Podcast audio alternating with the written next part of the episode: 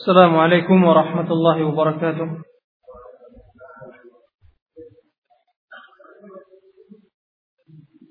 الحمد لله الذي هدانا لهذا وما كنا لنهتدي لولا أن هدانا الله. أشهد أن لا إله إلا الله وحده لا شريك له.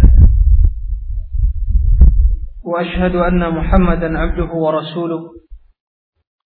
صلى الله عليه وعلى آله وصحبه ومن سار على نهجه واستنى بسنته إلى يوم الدين أما بعد أيها الإخوة أعزني الله وإياكم جميعا Kita lanjutkan kajian kita tentang kitab Fadl Salam ala Ilmin Khalaq karangan Al-Imam Ibnu Rajab Al-Hambali rahimahullah. Terakhir pembahasan yang kita bahas adalah penjelasan Al-Imam Ibnu Rajab tentang ilmu yang paling utama. Beliau menjelaskan bahwasanya ilmu yang paling utama, keilmuan yang harus dituntut, dipelajari oleh para tulabul ilm dan orang-orang yang menginginkan ilmu yang benar. Dan ia merupakan afdalul ulum ilmu yang paling utama yaitu menguasai dan mengkaji dan membahas Al-Quran dan Sunnah. Dan pembahasan-pembahasan tentang al-halal wal haram yang dinukilkan dari para ulama salaf para sahabat tabi'in wa atba'ut tabi'in Inilah yang seharusnya para tulabul ilm untuk bersungguh-sungguh untuk mengatur waktu dan menggunakan kesempatan yang diberikan oleh Allah potensi yang diberikan oleh Allah kemampuan untuk mendapatkan ilmu yang telah dijelaskan oleh Allah dan Rasulnya. Begitu juga hendaklah seorang talibul ilm bersungguh-sungguh untuk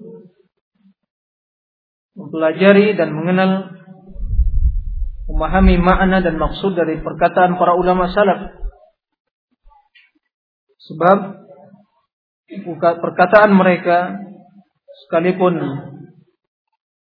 sedikit lafaznya akan tapi dalam maknanya.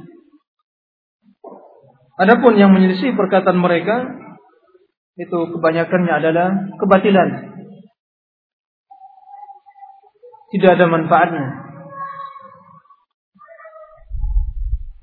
Di dalam perkataan ulama salaf yang menjelaskan Al-Quran dan Sunnah telah cukup bagi kita bahkan melebihi. Cukup dan melebihi. Kifayah wa ziyadah. Kemudian terakhir pembahasan atau perkataan Imam Ibn Rajab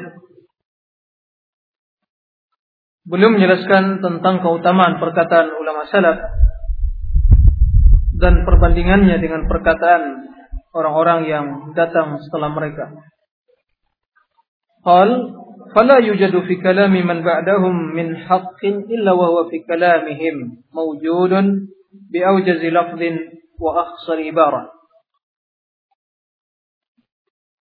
Tidaklah terdapat dalam perkataan orang yang datang sepenggal mereka atau tidaklah terdapat kebenaran dalam perkataan orang yang datang sepeninggal mereka kecuali telah terdapat di dalam perkataan ulama salaf dengan ungkapan atau lafaz yang singkat dan juga ibarat yang ringkas.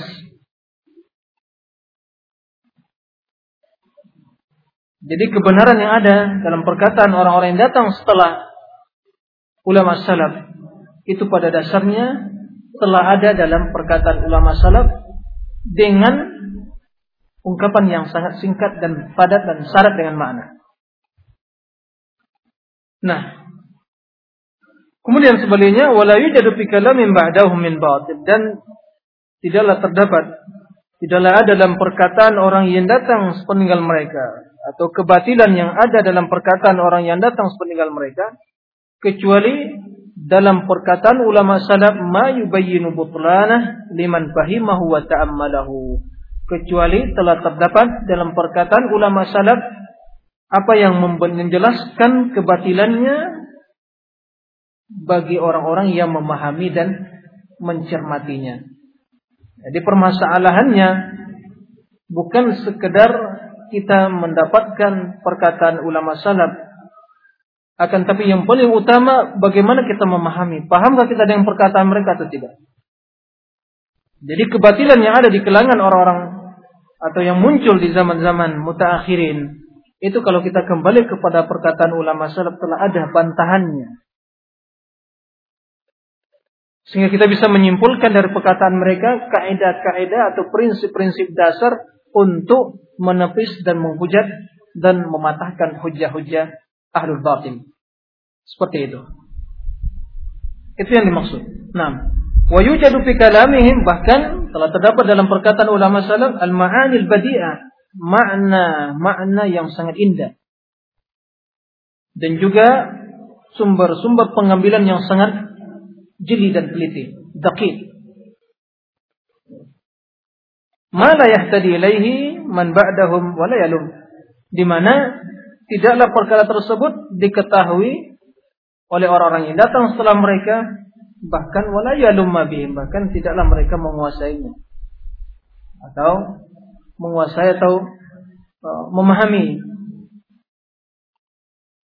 jadi makna-makna yang indah kandungan-kandungan makna dan prinsip-prinsip atau dasar-dasar pengambilan hukum yang sangat dakik atau jeli dan teliti yang terdapat dalam perkataan ulama salaf itu tidak ditemukan oleh orang-orang yang datang sepeninggal mereka dalam membahas masalah keilmian. Ya. Apalagi untuk menguasai hal seperti itu. Sekalipun mungkin sebagian di kalangan mutaakhirin bersilat lidah mampu memutarbalikkan ya fakta atau mungkin mampu dia uh, memperindah susunan kalimat dan ungkapannya akan tapi tidaklah terdapat dalam perkataan mereka makna-makna yang indah dan baik yang syarat dengan makna, syarat dengan faedah sebagaimana dalam perkataan ulama salaf. Ini disampaikan oleh Al-Imam Ibnu Rajab merupakan khulasah sebagai intisah dari riset dan penelitian beliau panjang ya selama perjalanan hidup beliau dalam apa? Membahas masalah ilmu. Yang mengupas perkataan ulama salaf. Orang yang khabir, yang mengetahui dan paham terhadap perkataan ulama salaf dan mengetahui maksud dari perkataan ulama salaf tersebut. Ini menjelaskan pada kita kedudukan ulama salaf, para ulama mutaqaddimin. Oleh karenanya, faman lam ya'khudh al-ilma min kalamihim fatahu dzalikal khairu kulluh. Barang siapa yang tidak mengambil ilmu dari perkataan ulama salaf, maka tentu dia telah kehilangan kebaikan itu seluruhnya. Ma'ama yaqa'u fi katsiri minal batil. Bersamaan dengan banyaknya ia terjerumus ke dalam kebatilan. Karena mengikuti mutaba'at liman ta'akhara. Karena mengikuti orang-orang yang datang sepeninggal mereka.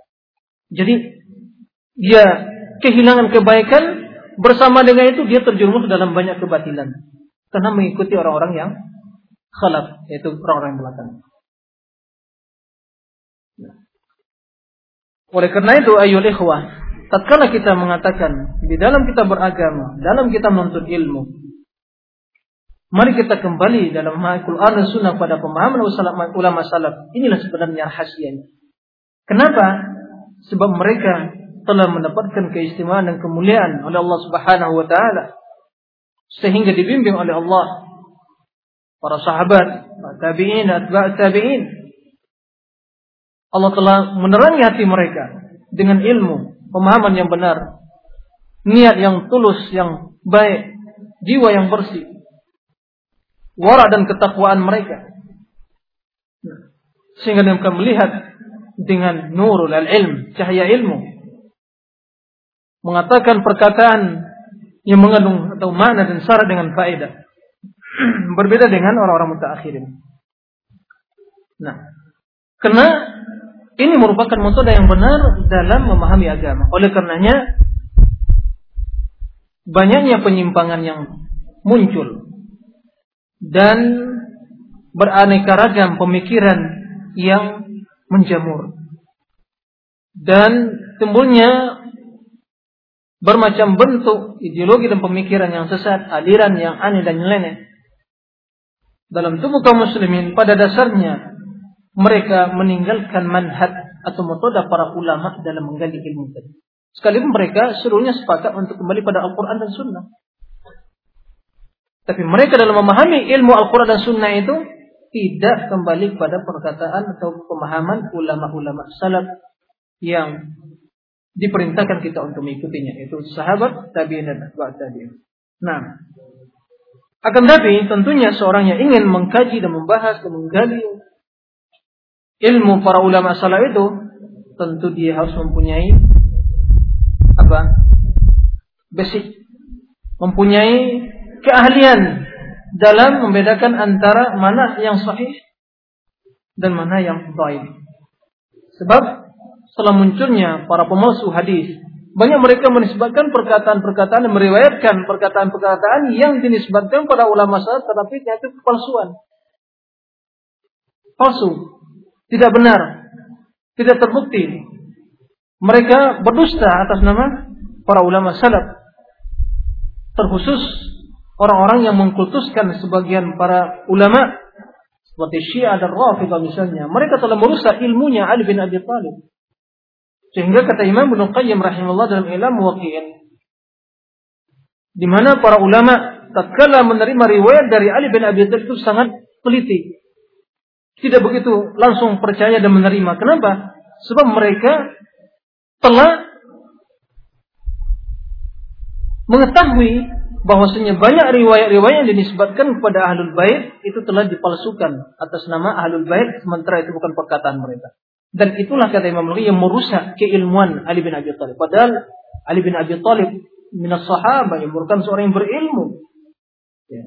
Fuqaha as-sahabah tapi kalau kita melihat riwayat-riwayat dari beliau itu telah dirusak oleh orang-orang Syiah. Nah, bagi penuntut ilmu hendaknya waspada.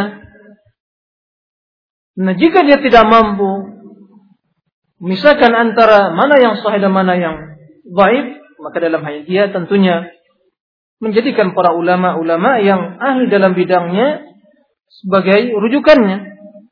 Jangan dia ego atau menonjolkan egoisme, egoisnya. Sehingga dia lampau percaya diri dan tidak mau menjadikan para ulama yang telah mendahului dalam keilmuan tentang bidang atau tentang bab ini sehingga dia lebih percaya diri dan sombong. Seolah dia yang ahlinya.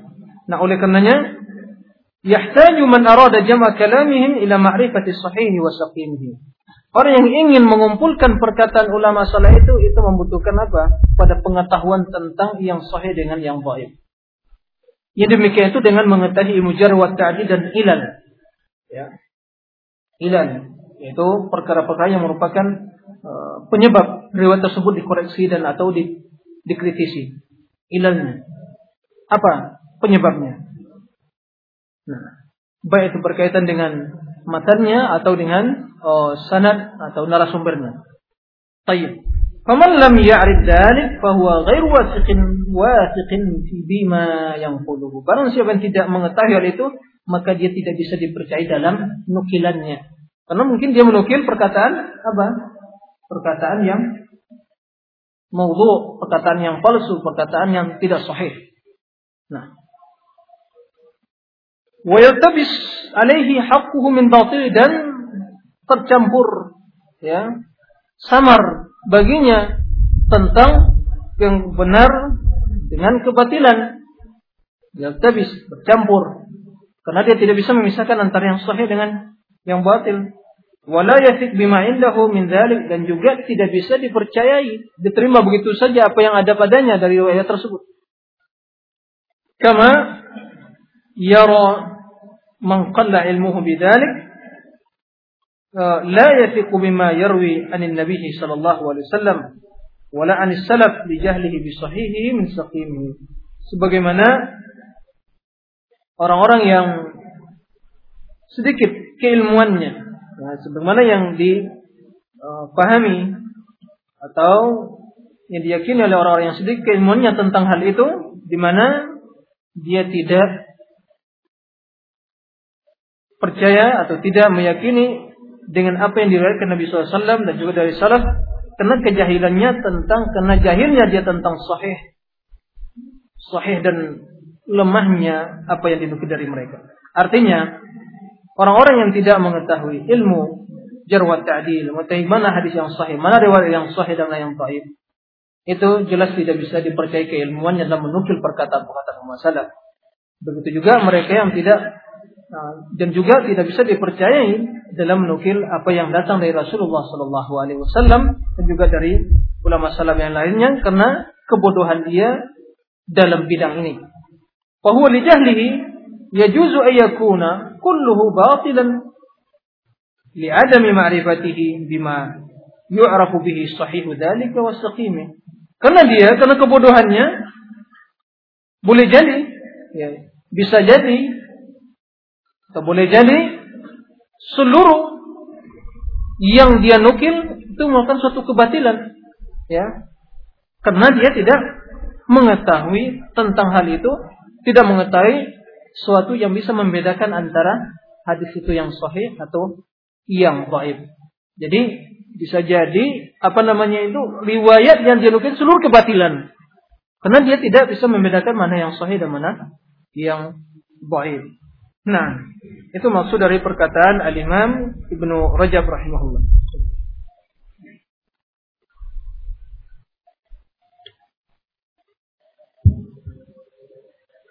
Qal al-Auza'i, al-Imam al-Auza'i mengatakan, al-ilmu ma ja'a bi ashabu Muhammadin sallallahu alaihi wasallam kama kana ghairu dhalik wa laysa bi ilmin. Wa kadza qala al-Imam Ahmad qala fi at-tabi'in anta mukhayyar, yani mukhayyarun fi kitabatihi wa Imam Al-Auza'i mengatakan ilmu itu adalah adalah apa yang datang ya ilmu itu adalah apa yang datang dari sahabat apa yang dibawa oleh sahabat Nabi Muhammad SAW. Maka ghairu dzalik adapun selain itu bukanlah ilmu. Inilah hakikat ilmu yang bermanfaat. Karena apa yang dibawa oleh para sahabat adalah ilmu yang diwahyukan oleh Allah Subhanahu wa taala pada nabinya. Al-Qur'an dan Sunnah. Oleh karena itu Al-Imam Syafi'i di antara perkataannya dalam perkataan mengatakan itu al-ilmu ma qala Allah wa qala haddatsana wa qala sahabat wa ma siwa dzaka wa syaitan. Ilmu itu adalah yang qala Allah wa qala haddatsana, yang qala itu Al-Qur'an dan juga apa yang terdapat dalam hadis dan juga apa yang dikatakan para sahabat. Adapun selainnya adalah bisikan syaitan. Berkata Imam Asy-Syafi'i. Itulah hakikat ilmu. Dan itulah yang harus kita pelajari. Jika talibul ilm menghabiskan waktunya untuk menggali Al-Quran, menggali sunnah, dan dia tidak menyibukkan dengan kesibukan-kesibukan tidak ada manfaatnya, tidak kelujuran ke sana sini, menghabiskan waktunya menggali Al-Quran, baca tafsir, hadis dan maknanya, kemudian menggali perkataan para ulama salaf, habis waktunya untuk membahas itu, maka itu merupakan khairun kathir, kebaikan. Pertanda bahwa Allah telah membimbingnya untuk talibul ilm. Tapi kalau Al-Quran tidak pernah dibaca, tafsirnya tidak pernah digali, hadis tidak pernah dibaca dan tidak tafsir syarah-syarahnya tidak pernah dibaca dan juga bagaimana perkataan para ulama tentang fawaid-fawaid yang terkandung dalam hadis tersebut. Dan dia tidak bersungguh-sungguh untuk menggali perkataan dan keilmuan para ulama salaf. Nah, kita pertanyakan, ilmu yang bagaimana yang belajar dia pelajari? Ilmu yang bagaimana ia inginkan. Dia tidak mengetahui hakikat ilmu dan juga tidak mengetahui cara untuk menuntut ilmu tadi, metode. Oleh karenanya, itulah hakikat ilmu. Itu dikatakan juga oleh Al-Imam Ahmad. Adapun tentang perkataan tabi'in, itu anta mukhayyar. Mukhayyar. Tentunya Al-Imam Ahmad mengatakan hadis apa? Di kalangan murid-murid Imam Ahmad. Ya. Kata para ulama-ulama yang besar. Ya. Anta mukhayyar karena mereka orang yang ahli ijtihad. Tentu tidak sama tingkatan keutamaan ya, perkataan ulama atau di kalangan tabi'in dibandingkan dengan perkataan sahabat tidak sama. Jelas. Lebih rendah kedudukannya. Oleh karenanya dalam hal ini kita Ahmad anta mukhayyar. Anda mempunyai dua pilihan. Artinya boleh menulisnya dan boleh tidak menulisnya. Artinya boleh kata beliau yaitu yakni mukhayyar fi kitabitihi wa tarkihi. Anda dapatkan keringanan dalam menulis dan meninggalkannya. Itu tentu dikatakan oleh Imam Ahmad kepada siapa? Pada murid-muridnya. Ya, pada talamidu. Tapi kalau kita ini Jelas bagaimana kata Imam Hasan Al-Basri, perkataan kita lebih baik bagi mereka dari perkataan mereka pada diri. Oleh karena itu merupakan suatu perkara yang harus diperhatikan.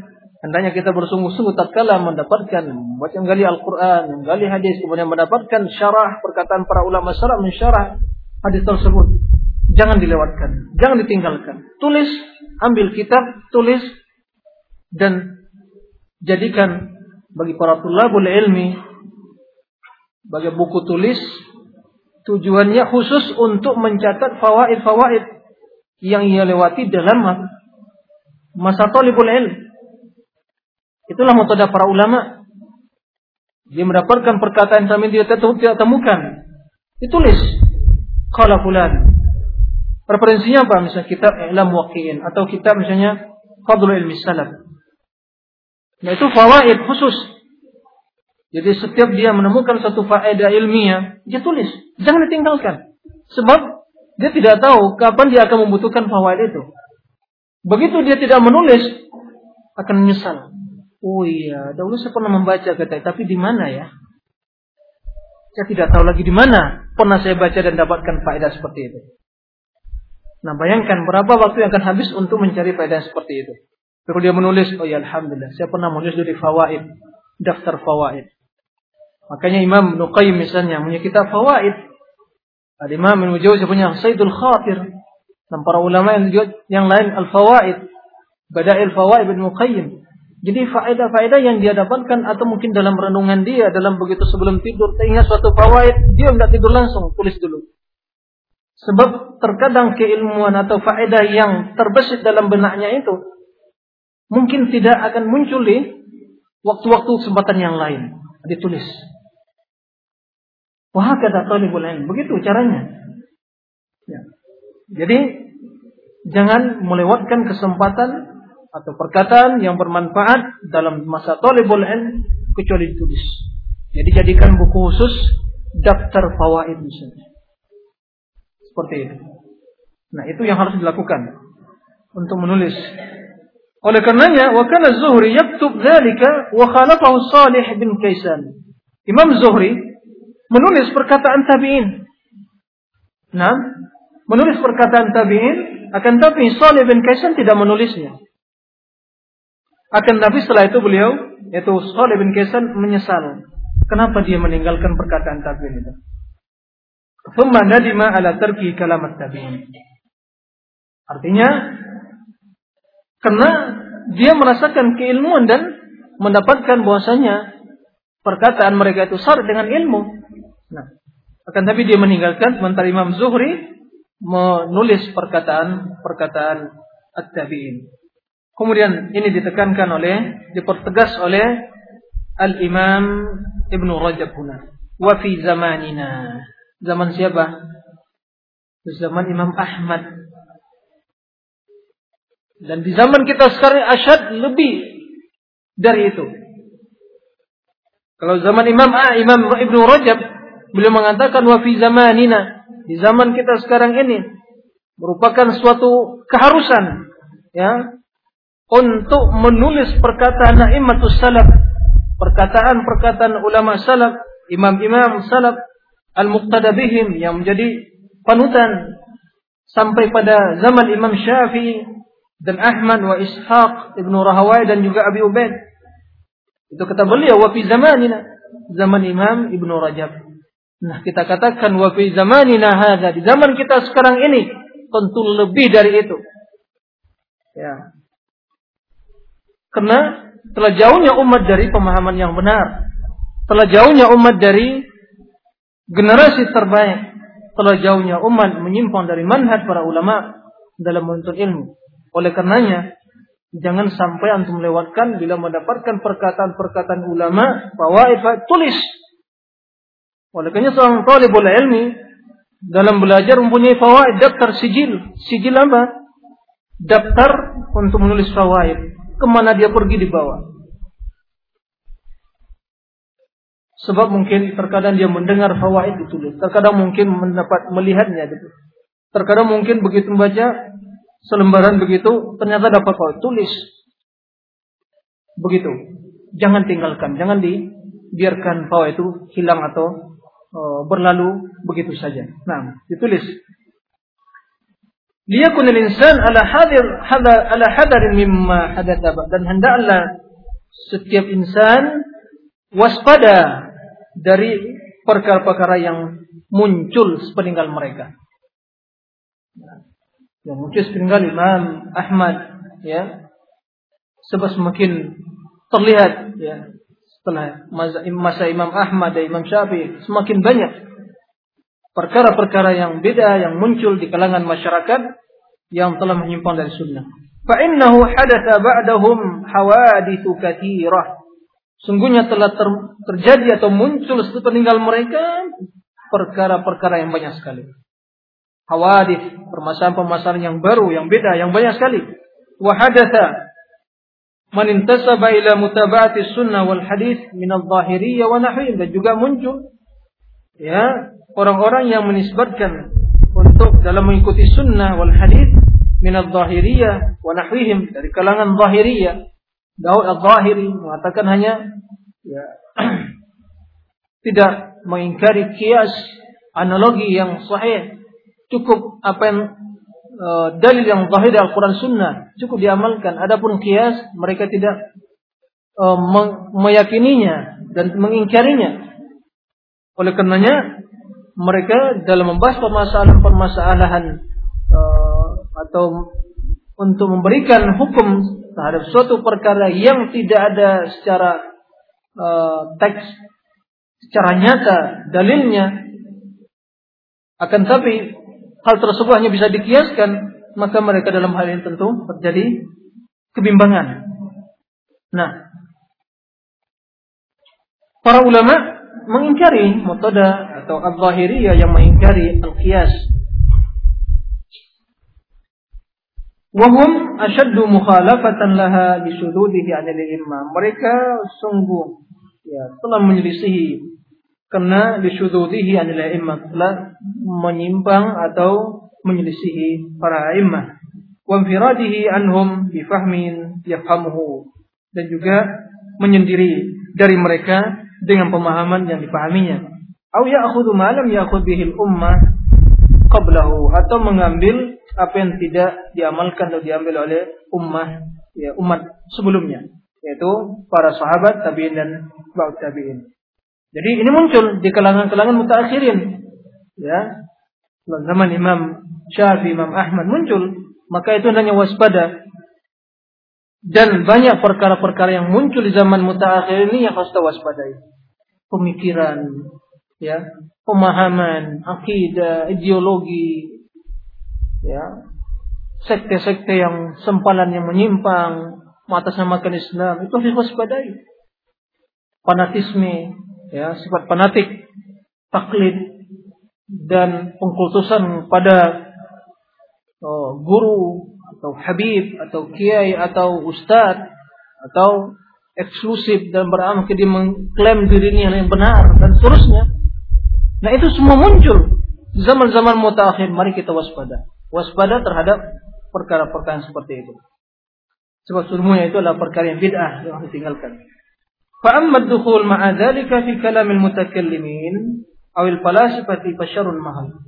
Adapun juga ikut ya, masuk ke dalam berserta bersamaan dengan hal itu ya, dengan pendapat al-zahiriyah atau mengambil suatu pemahaman dia menyendiri dengan pemahaman tersebut yang tidak dipahami oleh orang sebelumnya, ulama sebelumnya. Bersamaan dengan itu, dia juga ikut menyebutkan diri masuk membahas dengan perkataan orang-orang mutakallimin dan falasifah, ahli filsafat. Maka itu kata beliau syarrun mahab. Tidak lain itu hanya kejahatan semata. Ya. Tidak hanya kejahatan. Tidak ada kebaikan dalam hal itu. Nah, wa qalla man dakhala fi syai'in min dzalik dan tidaklah ya seorang yang sedikit sekali orang yang masuk ke dalam perkara tersebut kecuali talatta bi ba'di awdari akan ternodai oleh sebagian kerusakan-kerusakan mereka. Jadi orang yang berusaha memaksakan diri untuk mendalami ilmu-ilmu filsafat ya, dengan segala keterbatasannya tentang ilmu agama, maka dia tidak akan selamat. Tidak akan selamat dari bahaya pemikiran tersebut. Pemikirannya akan terkontaminasi dan juga akidahnya akan dirusak, akan ternodai oleh pemikiran yang seperti itu. Kama qala Ahmad sebagaimana katakan Imam Ahmad, la yakhlu man nazar fil kalam illa tajahhal. Tidaklah selamat orang yang uh, berbicara atau menggali membahas tentang ilmu kalam kecuali tajaham menjadi pengikut Jahmiyah. Itu orang-orang yang mengingkari sifat. Jadi tidak selamat ya. Orang-orang yang berbicara tentang kalam kecuali dia akan apa? Akan menjadi ahlul bidah. Oleh karena asal mula munculnya pemikiran Jahmi yang mengingkari sifat. Ya, pengikut Jahm bin Safwan yang mengingkari sifat mengatakan Al-Quran bukan kalamullah dan mengingkari Allah berbicara dengan Musa ha? dan juga mengingkari bahwasanya Allah memilih Ibrahim sebagai khalilnya dan yang lain mengatakan kalimat eh, yang juga mengatakan manusia itu jabar majbur, terpaksa, tiada lain kecuali asal mula pemikiran itu dari tatkala dia menggali menyibukkan diri dengan masalah ilmu kalam. Nah.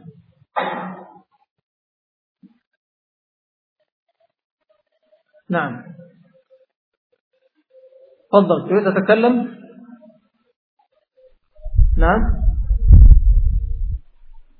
ada yang perlu diusulkan نحتاج التركيز من الإخوة ألا يلهو ويلعب في مجلس العلم Jangan sibuk dalam dengan hal-hal yang lain dalam majelis ilmu. Ada sesuatu yang ingin dibicarakan, mungkin ya bisa di luar majelis ilmu. Adapun majelis ilmu tidak tidak dibenarkan, bahkan desa minal adab bukanlah adab talibul ilm. Seorang sibuk dengan bicara ya sana sini sibuk melihat ke sana sini. Nah tidak dibenarkan seperti itu. Tidak ada dalam majelis para ulama salaf yang membahas ilmu. Mereka menyibukkan diri dengan hal-hal yang lain. Jadi sallallahu adibana bi adabi al-ilm nah طيب لا يخلو من نظر في الكلام إلا تجهم وكان هو وغيره من أئمة السلف يحذرون من أهل الكلام wa in dabbu anis sunnah. Dan Imam Ahmad dan yang lain dari ulama salaf memperingatkan dari ahlul kalam. Wa in dabbu anis sunnah sekalipun mereka sebagian dalam silai mereka membela sunnah juga. Bahkan orang-orang asyairah atau sebagian ulama yang terwarnai pemikiran dengan sebagian teori-teori al-kalam itu juga mereka membela sunnah menghujat ahlul kalam Mu'tazilah. Tapi Imam Ahmad tidak membiarkan mereka. Kenapa? Sebab yang namanya kebatilan, kesesatan harus diperingatkan umat darinya. Harus diperingatkan agar umat waspada. Bahkan Imam Ahmad jelaskan, "Man talaba ilma bil tazandaq." Atau ma aflaha sahibul kalam abada kata Imam Ahmad. Tidak akan pernah beruntung selamat orang yang mempelajari ilmu kalam. Seperti itu. Dan nah, dan Imam Syafi'i merupakan seorang ulama yang sangat keras dan tegas terhadap atau mengkritisi dan membantah ulama-ulama kalam. Perkataan beliau dalam hal sangat banyak sekali.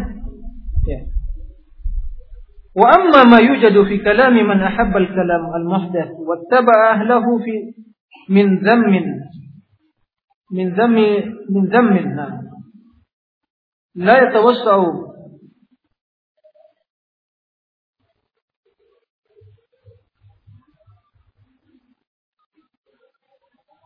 كأنه واتبع أهله. إيش مكتوب عندك؟ هذا بين kalimatnya yang enggak di kitab antum apa? Hah? Wattaba ahlahu Hah? Min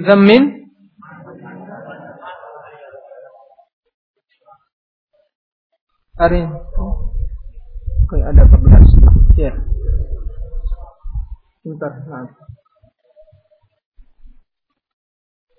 أيوة من واتبع أهله من ذم من لا يتوسع يعني سقط من هنا لذلك لأن المعنى غير لا يستقيم نعم من ذم من لا يتوسع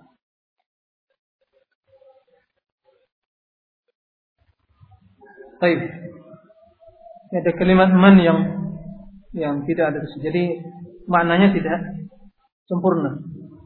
Adapun uh, nah, mayujad terdapat dalam perkataan orang-orang yang menyukai kalam wahdat, bid'ah, wattaba ahlahu dan mengikuti ahli kalam dalam mencela orang-orang yang tidak menyebutkan di dalam al-khusumat, perdebatan dan jidal dan menisbatkan orang seperti itu pada kejahilan atau ilal hasyi.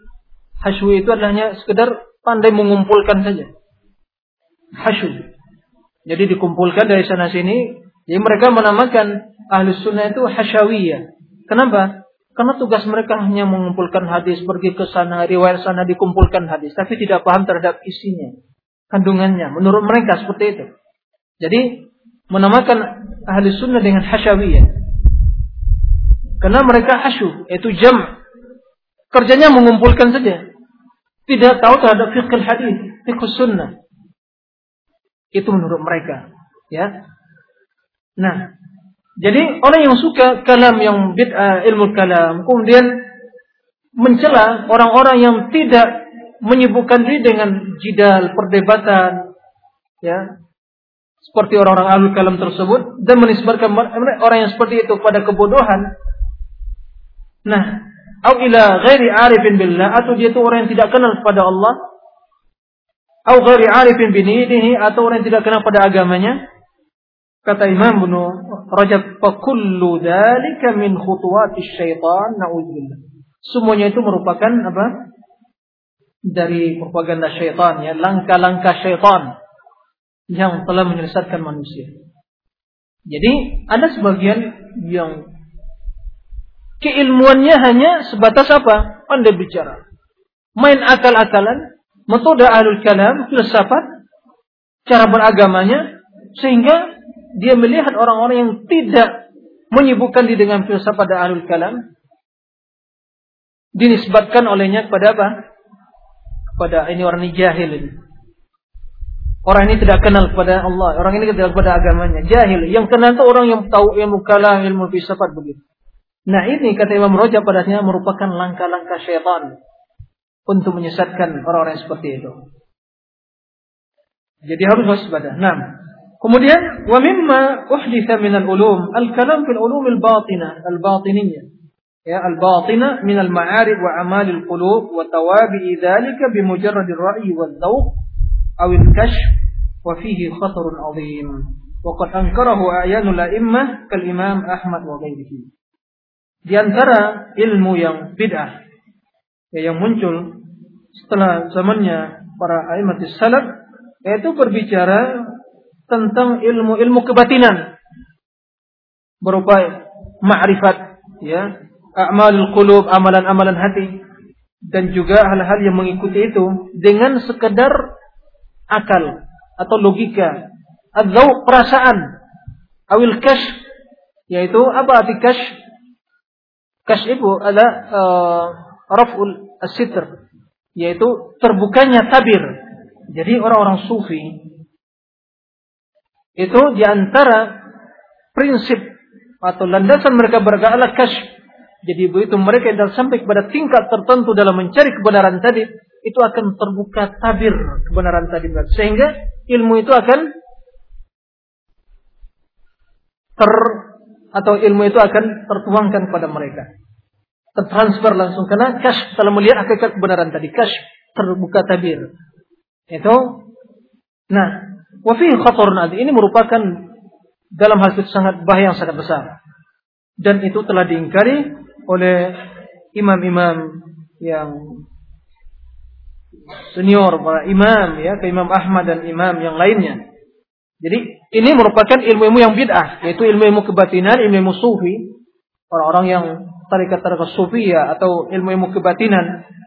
Di mana mereka menilai suatu kebenaran itu bukan dengan dalil tapi dengan perasaan, zauk, bisikan hatinya, dengan mimpi, dengan ilham kata mereka, dengan kash, dengan hikayat-hikayat, hikayat-hikayat yang ditebarkan oleh mereka tentang masa wali fulan, diceritakan tentang karamat-karamatnya begini, begitu. Nah itu dikasih sebagai dalil mereka.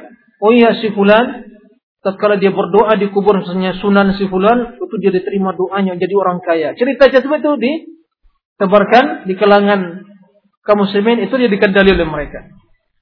Atau bau perasaan dia, apa yang terbesit dalam hatinya, itu dijadikan sebagai alasan.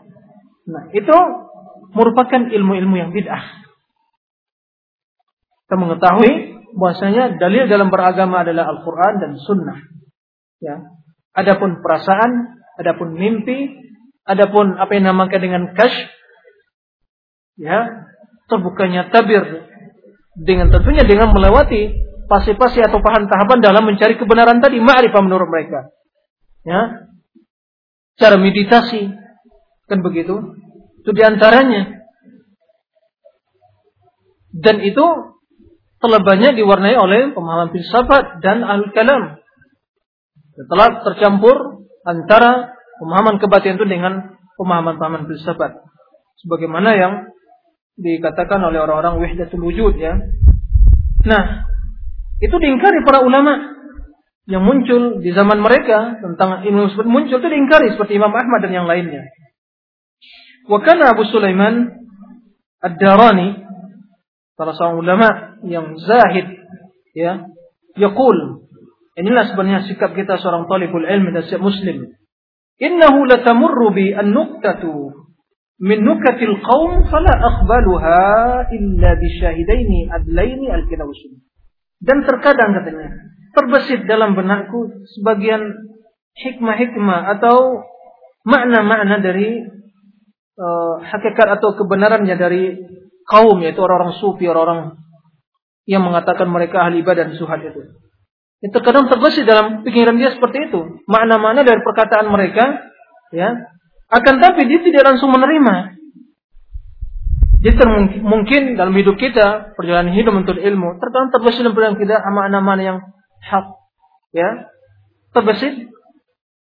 Apakah kita langsung menerima? Oh iya, ini merupakan bisikan yang baik yang aku terima dalam mungkin selama begitu meditasi atau berhayalkan begitu terbesit dalam benaknya mana-mana yang indah.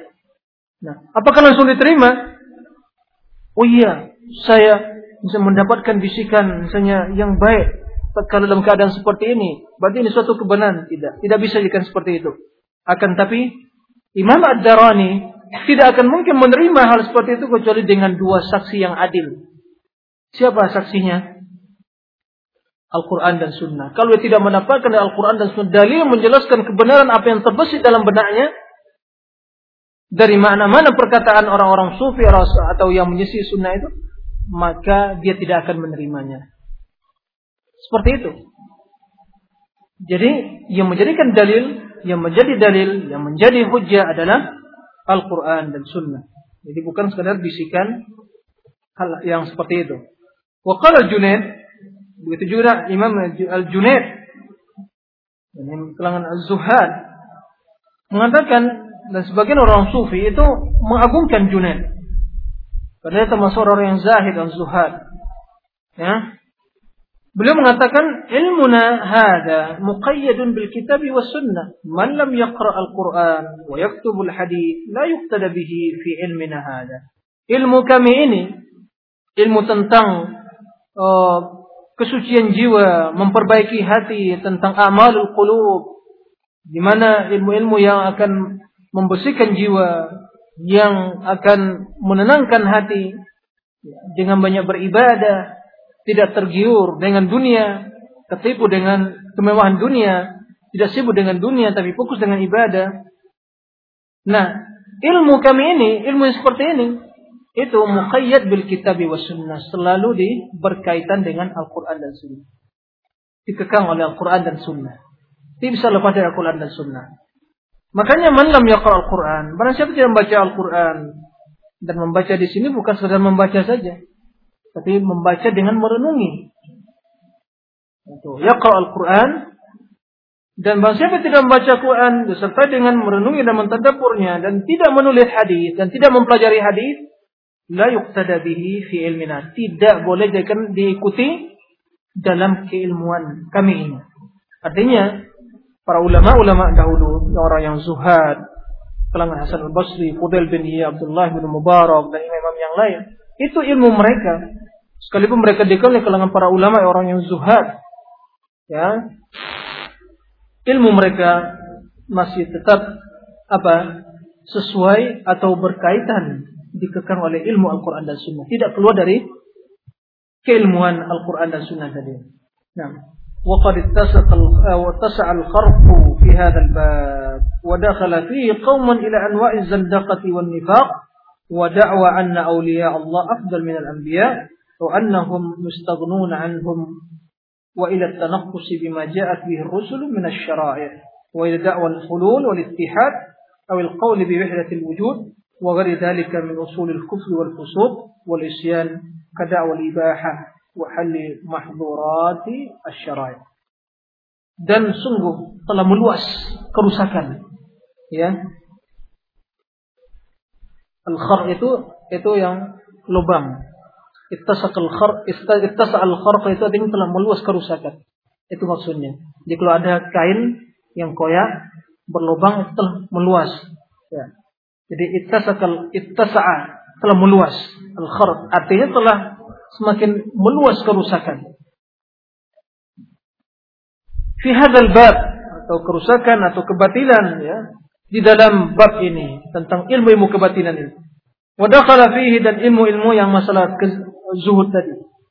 Dan telah masuk ke dalamnya sebagian kaum atau segolongan yang uh, lewat ilmu-ilmu seperti itu pada bermacam bentuk kezindikan, kezindikan dan juga ya azandaka wan kemunafikan. Wa da'wa dan dakwah yang mengatakan bahwasanya para wali Allah itu lebih utama dari para nabi.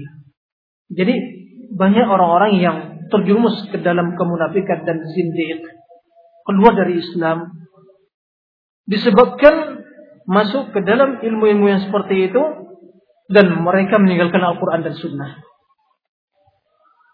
Dan mendalami ilmu kalam dan filsafat. Bahkan sebagian mengatakan para wali itu lebih utama dari para nabi. Begitu. Itu orang-orang sufi wahdatul wujud al-hulul. Itu mengatakan para wali itu lebih utama daripada para nabi seperti itu dia kedudukan nubuwah itu di bawah wali wilayah menurut mereka jelas itu perkataan yang batil. Merupakan akidah prinsip sunnah. Para nabi lebih mulia dari para wali. Dan para nabi itu aulia Allah. Karena para wali itu adalah orang yang beriman dan bertakwa. Ala inna aulia Allah la khawfa alaihim yahzanun alladziina amanu wa kanu yattaqun. Jadi aulia para wali itu orang-orang yang beriman dan bertakwa. Itu wali. Nah, anhum atau mereka mengatakan ya tidak membutuhkan, merasa tidak membutuhkan ya, terhadap mereka para nabi. Atau atau menghina atau merendahkan, menghina apa yang dibawa oleh para rasul atau syariat yang dibawa oleh para rasul. Atau ila da'wa al-hulul, terjerumus ke dalam pendakwaan tentang hulul yaitu Allah itu hulul menempati atau berada atau menyatu dengan hambanya. Nauzubillah atau berada di mana-mana hulul halla fi makhluqi. Atau ittihad menyatu. Atau qawlu bi wahdatul wujud. Itu wahdatul wujud. Jadi semua yang ada ada merupakan jelmaan dari zat yang maha kuasa menurut mereka. Jadi makhluk Allah bersatu dengan makhluk menurut orang-orang wahdatul wujud. Ini jelas perbuatan yang kufur ya, perbuatan yang kufur dan keyakinan yang batil, keyakinan yang kufur. Wa dan yang lainnya dan yang selain itu dari dasar-dasar kekufuran, kefasikan dan juga maksiat. Seperti dakwah yang mengatakan yang menghalalkan segala sesuatu ibahiyah menghalalkan segala eh, dan juga wahalli mahduratil dan menghalalkan larangan-larangan syariat. Jadi dari pintu inilah orang-orang terjerumus ke dalam pemahaman, pemikiran ideologi atau wahdatul wujud atau merendahkan para anbiya dan mengangkat orang-orang para aulia menurut mereka dan mengatakan bahwa mereka tidak membutuhkan kepada syariat dibawa oleh para nabi. Nah, ini jelas kata Imam merupakan kita menurut merupakan kebatilan yang telah terjerumus ke dalamnya orang-orang yang meninggalkan Al-Quran dan Sunnah dalam keilmuan mereka. Nah.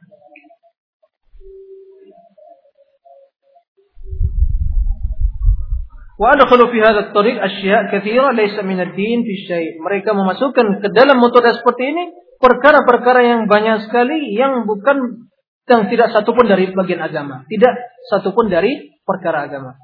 Faba'duha za'amu annahu yahsul bihi qulub kal gina Sebagian menyangka, menduga bahwasanya dengan cara seperti itu akan terjadi apa?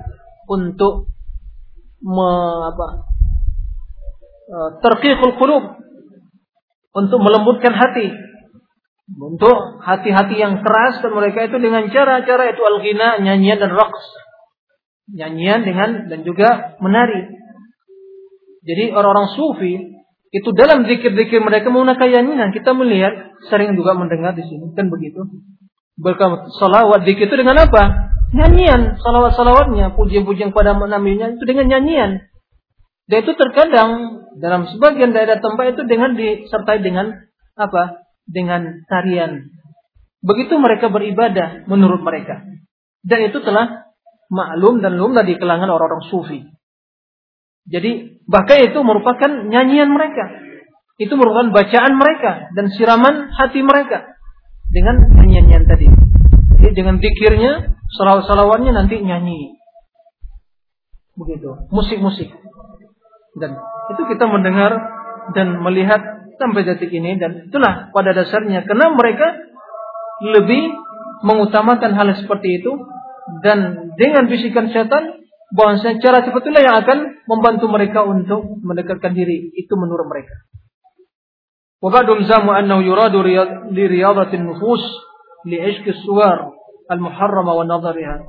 Sebagian mengatakan ingin melatih jiwa, membiasakan jiwa dengan uh, mencintai ya, gambar-gambar ya, yang haram, ya, foto-foto yang diharamkan, wa nazariha dan melihat padanya. وبعضهم زعموا وبعضها زعموا أنه لكسر النفوس والتواضع لكسرة ولشهرة كشهرة اللباس sebagian menyangka menduga bahwasanya itu untuk uh, mengekang ya, jiwa atau memecahkan keinginan jiwa atau ya dorongan jiwa hawa nafsu Wattawadu ada untuk menimbulkan rasa tawadu kasyuhratil libas ya seperti pakaian-pakaian yang ya, menjadi pakaian yang populer kan begitu. Jadi wa dzalika mimma lam ta'ti bihi syariah dan yang lainnya yang tidak pernah didapatkan atau dibawa oleh syariat. Wa ba'duhum yasuddu an dan sebagiannya itu melarang atau menghambat dari zikir kepada Allah dan dari salat seperti nyanyian atau melihat pada hal yang haram. Wasyabahu bidzalika alladziina ittakhadhu dinahum lahwan wa. Dengan hal seperti itu mereka telah menyerupai orang-orang yang menjadikan agamanya sebagai permainan. Itu orang sufi seperti itu. Jadi agama itu permainan. Untuk melihat nyanyian-nyanyian dalam salawat dan musim-musim dan pujian-pujian kepada Nabi Muhammad. Allahumma salli ala Muhammad. Tek, tek, tek, tek, tek, tek, tek. Kan begitu? Hah? Pernah tidak dengar seperti itu? Kan begitu? Itulah. Jadi itu bagian dari agama mereka. Setelah itu nanti mukaddimahnya baca Quran itu baru nyanyi lagi. Dan nyanyinya lebih panjang daripada mukaddimah Qurannya. Begitu. Nah itu acara ritual mereka seperti itu. Itulah perbuatan orang suci. Dan dari situ mulainya, munculnya tadi. Jadi karena mereka telah meninggalkan Al-Quran. Seperti itu. Nah, ini muncul dari pemahaman sufi dan yang telah meninggalkan Al-Quran dan Sunnah dalam berilmu tadi. Nauzubillah min dzalik. Jadi kalau untuk mendengar seperti itu jangan heran karena itulah agama mereka. Jadi as-sama pendengaran atau hiburan hati itu ada dua. Ya sama al-Qur'anir Rahmani wa sama asy-syaitani yaitu nah menjadikan mereka sebagai pendengar atau hiburan atau yang akan menghibur diri mereka itulah yang dibisikkan oleh syaitan bentuk nyanyian dan uh, apa namanya itu musik-musik yang seperti itu. Oleh karenanya orang seperti itu boleh dikatakan tidak pernah membaca Al-Quran. Dan itu pun baca Al-Quran hanya sekedar di lisannya saja. Terkadang sebagian satu hari itu bisa menamakan Al-Quran Selesai. Satu hari selesai. Tapi apa artinya dari dia menyamarkan kuasa satu hari kalau tidak memahami makna? Tidak ada manfaatnya. Nah, jadi oleh karena itu perhatikan ayol ikhwah bahwasanya uh, ini merupakan manhaj ya atau mutoda dalam hidup di mana tiada lain jalan untuk selamat dalam berilmu, beramal dan dalam segala aspek agama kecuali kembali pada wahyu, pada syariat diturunkan oleh Allah Subhanahu wa taala. Tidak akan mungkin hati akan menjadi tenang. Tidak akan mungkin jiwa menjadi suci. Tidak akan mungkin pemikiran menjadi uh, bersih. Ya, keilmuan menjadi benar kecuali hanya kembali pada wahyu. Adapun hasil rekayasa manusia, hasil pemikiran manusia, hasil uh, renungan manusia, meditasi mereka dan seterusnya, itu semuanya ma'anzalallahu biya min sultan segala sesuatu yang tidak seluruhnya tidak pernah diturunkan oleh Allah Subhanahu wa taala. Tiada lain kecuali adalah campuran dari sekian banyak kebatilan kemudian digodok dalam suatu disiplin ilmu yang mereka namakannya ilmu apa? Ilmu kebatinan atau ilmu-ilmu tasawuf menurut mereka. Itu. Itu. Jadi ilmu tasawuf itu adalah ilmu jadi uh, apa namanya itu? Gabungan dari sekian banyak pemahaman-pemahaman yang tasawufnya, fikih kalamnya, falsafatnya dimasukkan ke batinnya disatukan ilmu tasawuf. Dan juga dalam ilmu tersebut bertingkat-tingkat. Ya, darakat fil batin. Nah, itu yang kita waspadai. Itu termasuk ilmu-ilmu yang bid'ah yang tidak ada manfaatnya. Nah, jika Al-Quran dan Sunnah tidak bisa mensucikan diri seseorang maka tidak satu pun metoda cara yang akan bisa mensucikan diri mereka. Al-Quran diturunkan, sunnah disampaikan untuk mensucikan wa yu'allimuhumul kitab wal hikmah yuzakkihim. Kalau Al-Quran dan sunnah tidak bisa mensucikan diri seorang, menenangkan jiwanya, menenteram, menenteramkan uh, hatinya, membersihkan pemikirannya, menanamkan keyakinan pada diri maka tidak satu pun dari perkataan manusia ini yang akan bisa menanamkan hal itu atau mewujudkan hal itu baginya. Oleh karena itu, tiada lain kecuali kewajiban kita adalah untuk kembali pada Al-Quran dan Sunnah dalam berilmu, beramal, berakidah, berdakwah, dan dalam segala aspek kehidupan kita. Itulah jalan keselamatan. Itulah jalan keselamatan. Nah, at-tamassuk bisunnah najat. Berpegang teguh dengan sunnah itu adalah keselamatan dan kesuksesan. Demikian karena waktu yang membatasi kita wallahu alam wa sallallahu wasallam nabiyina Muhammad wa ala alihi wa sahbihi wasallam wa akhir da'wana alhamdulillahi rabbil alamin.